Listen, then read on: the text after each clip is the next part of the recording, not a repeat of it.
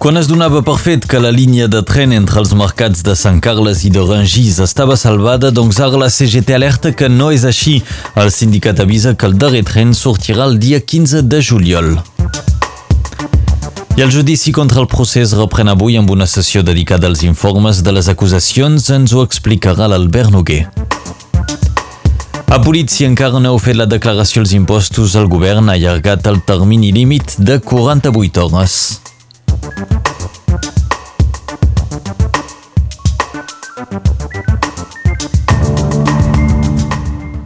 Intervenció delicada pels socors ahir a la tarda a la 116. Una dona va estar a punt de parir quan circulava amb motor al nivell de Canavelles. La dona va perdre les aigues al volant, va haver d'arrestar-se a la vora de la carretera per avisar els socors.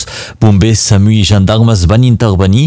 La història va acabar bé, ja que un helicòpter de la Seguretat Civil va portar la futura mare a l'Hospital de Perpinyà, on finalment va donar llum al seu bebè. La CGT alerta que les amenaces de tancament de la línia ferroviària entre el mercat de Sant Carles i el mercat de Rangis encara són d'actualitat. Després de la reunió ministerial del 24 de maig, tothom donava per fet que la línia estava salvada. La CGT anuncia ara que el tancament doncs encara està vigent i que el darrer tren sortirà el 15 de juliol. Els militants CGT se senten se senten enganyats per la SNCF i reclamen una reunió amb el prefecte per demanar una inversió urgent pel salvament d'aquesta línia. Aquesta setmana es comença a comercialitzar la vedella rosada del Pirineu, una vedella criada en el respecte de la tradició i distribuïda durant un període concret en circuit curt a Catalunya Nord. Galdric Solà és ramader al Conflent i presideix l'associació Vedella Rosada del Pirineu. La producció i la comercialització del de, el nombre de, de vedells comercialitzats és quasi igual quasi cada any, doncs quasi 200 per any. Cal saber que la rosada dels Pirineus és una carn que és una mica magra perquè la magra però gustosa. La, la vedella o el vedell no ha menjat, no ha menjat pinso ni farina, és sol amb la llet de vaca i l'herba de les muntanyes. Donc, com les vaques comencen a pujar mes de juny a les muntanyes, és aquí que comencem a comercialitzar la rodada dels Pirineus. Ens ho explicava Galdric Solà, ramader del Conflent i president de l'associació Badella Rosada del Pirineu, al micro d'Enric uh, Balaguer. I avui us tornem a parlar del projecte d'un tercer moll a Portvendres. L'associació Frena 66 i la Federació dels Espais Naturals i el Medi Ambient veuen poc probable que s'acabi realitzant aquest projecte.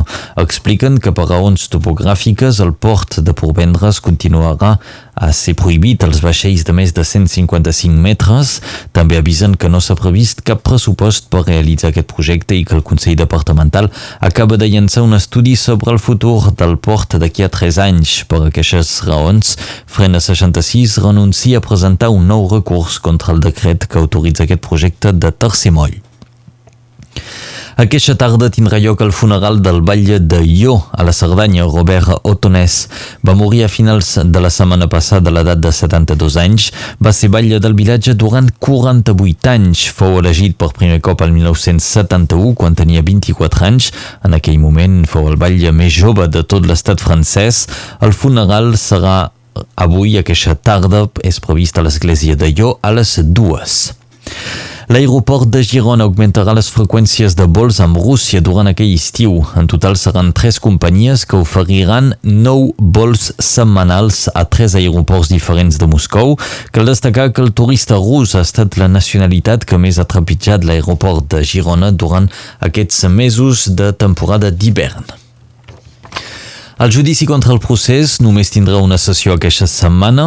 És justament avui dimarts amb una sessió dedicada als informes de les acusacions. Fiscalia, Advocacia de l'Estat i Vox exposaran oralment els seus arguments davant del tribunal. En la darrera sessió, les tres acusacions van elevar les conclusions definitives, és a dir, que mantenen la mateixa petició de pena i els mateixos delictes. Albert Noguer. Això vol dir que cap de les acusacions no ha pres en compte cap dels elements aportats al llarg del judici per les defenses. Segueixen, doncs, en la mateixa línia i fins i tot es pot dir que han endurit les seves posicions, ja que demanen al tribunal que si pronuncia penes de presó, aquestes penes s'hagin de complir almenys la meitat per beneficiar d'eventuals mesures de llibertat condicional. Una fermesa de cara als presos polítics que de fet també té el tribunal que ahir va rebutjar concedir un permís extraordinari a Jordi Sánchez per sortir de la presó i poder anar a representar Junts per Catalunya davant del rei d'Espanya com ho fan tots els partits que han obtingut elegits a les eleccions espanyoles.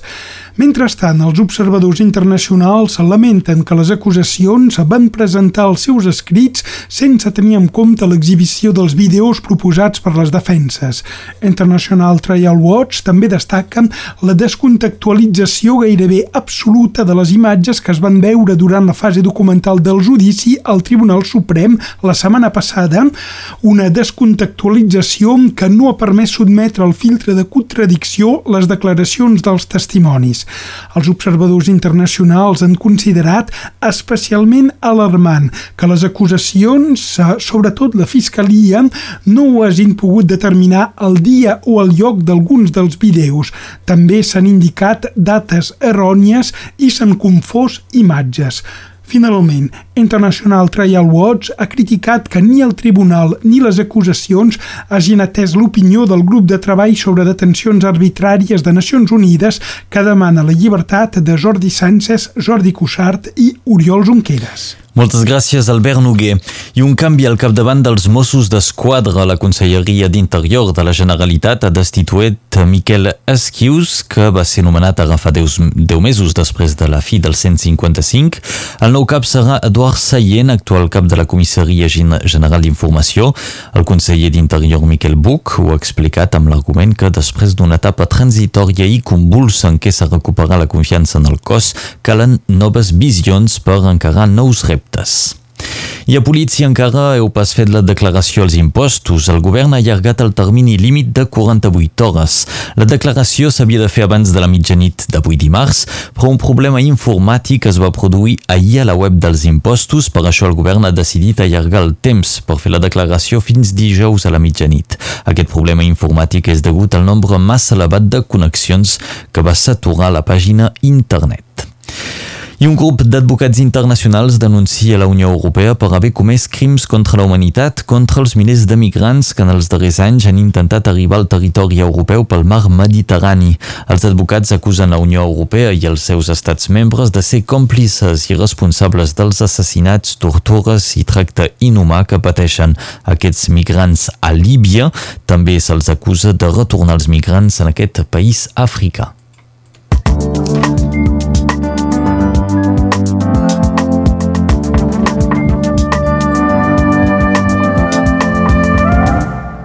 S'anuncia avui un dia calorós. Afinem un poc aquesta previsió amb la Laura Bertran.